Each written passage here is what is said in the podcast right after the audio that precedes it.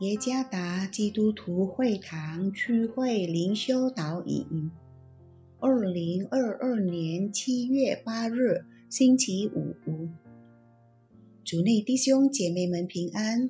今天的灵修导引，我们要借着圣经《撒姆耳记下》第七章十八到二十三节来思想今天的主题：唯独基督。作者。古发起牧师，《撒摩尔记下》第七章十八到二十三节。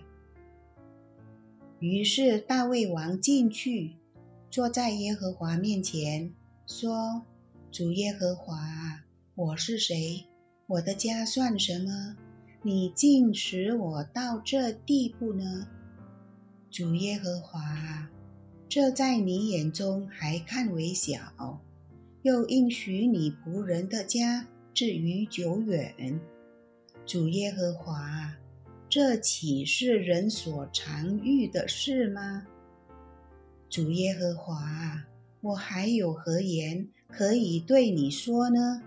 因为你知道你的仆人，你行这大事使仆人知道，是因你所应许的话，也是照你的心意。主耶和华，你本为大，在我们耳中听见，没有可比你的，除你以外，再无神。世上有何民能比你的民以色列呢？你从埃及救赎他们做自己的子民，又在你赎出来的民面前行大而可畏的事。驱逐列邦人和他们的神，显出你的大名。有一次，我妻子去探访一位基督徒的家，发现，在靠近他家的门口，有完备的祭祀神明之处，在他家的墙上也挂着十字架和最后晚餐的图片。总而言之，房子里充满了各种宗教信仰的标志。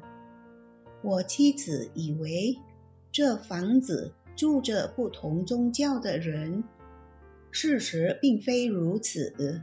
事实证明，家主说，若其中一个不能回答我生活中的问题时，那么还有另一个。有些基督徒会有这样的想法：当他们面对困难和问题时，他们有许多可求助的来源。如果这一个不行的话，那还有另一个。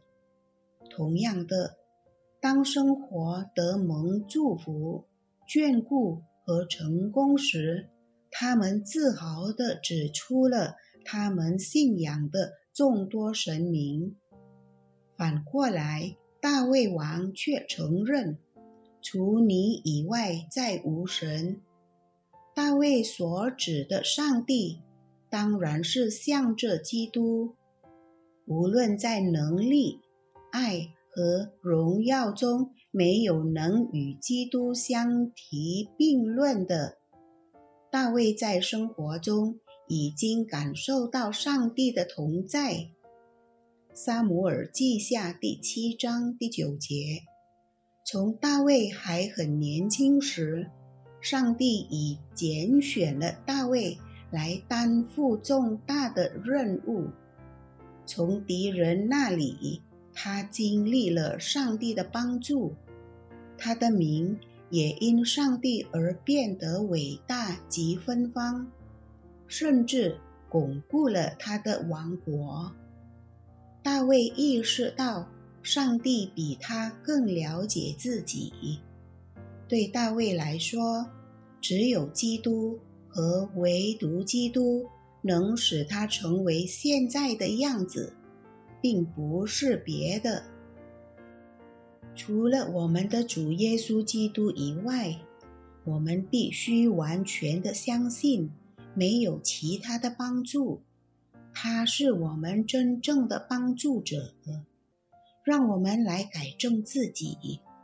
当我们在生活中从许多危机中走出来的时候，在此生中所经历的成就和成功时，我们的目光向往着谁？